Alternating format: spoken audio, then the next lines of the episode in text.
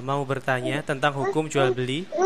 Saya punya kenalan di Purbalingga yang mana dia sebagai wakil peternak di sana dan saya diminta untuk bantu jualan di sini yang mana jadi wakil dan saya diperkenalkan diperkenankan untuk dapat fee 100 sampai 200 ribu per kambing. Kemudian saya jual ke orang Jakarta sini. Untuk akad seperti ini baiknya bagaimana ya Ustadz yang sesuai? Nah, Ustadz.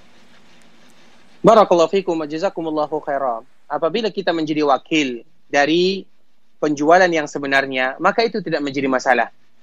Dan kita tidak termasuk ke dalam hadis Nabi sallallahu alaihi wasallam dari sahabat Hakim bin Hizam, "Wala tabi' ma laysa indak." Jangan kalian menjual yang bukan milik kalian karena status kita adalah sebagai seorang wakil. Nah, ketika kita menawarkan kambing tersebut, maka kita menyebutkan ini bukan kambing saya. Ini poin yang pertama. Sehingga supaya orang tidak beranggapan bahwa itu adalah kambing kita dan kita bertransaksi dengan orang tersebut. Namun kita hanya sekedar penyalur saja. Kemudian di sanalah kita menjadikan atau terjadi transaksi antara kita dengan mereka. Namun yang harus kita sebutkan itu bukan milik kita. Sehingga orang ini tidak beranggapan bahwa kambing itu atau peternakan itu adalah milik kita.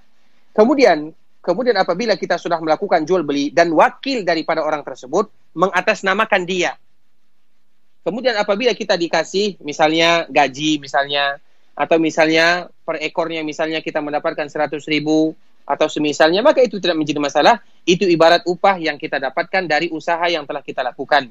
Namun yang harus kita ketahui kita harus mengatakan kepada pelanggan kita bahwa kambing ini bukan milik kita namun bukan namun itu adalah milik daripada teman kita. Sehingga uh, tidak samar-samar orang yang membelinya pun juga tidak merasa ragu dengan apa yang telah kita lakukan kalau seandainya demikian, maka itu yang harus kita lakukan yaitu dengan menyebutkan kita sebagai sebagai sebagai wakil daripada teman kita tersebut. Semoga Allah Subhanahu wa taala menjaga kita. Barakallahu fikum wa jazakumullahu khairan.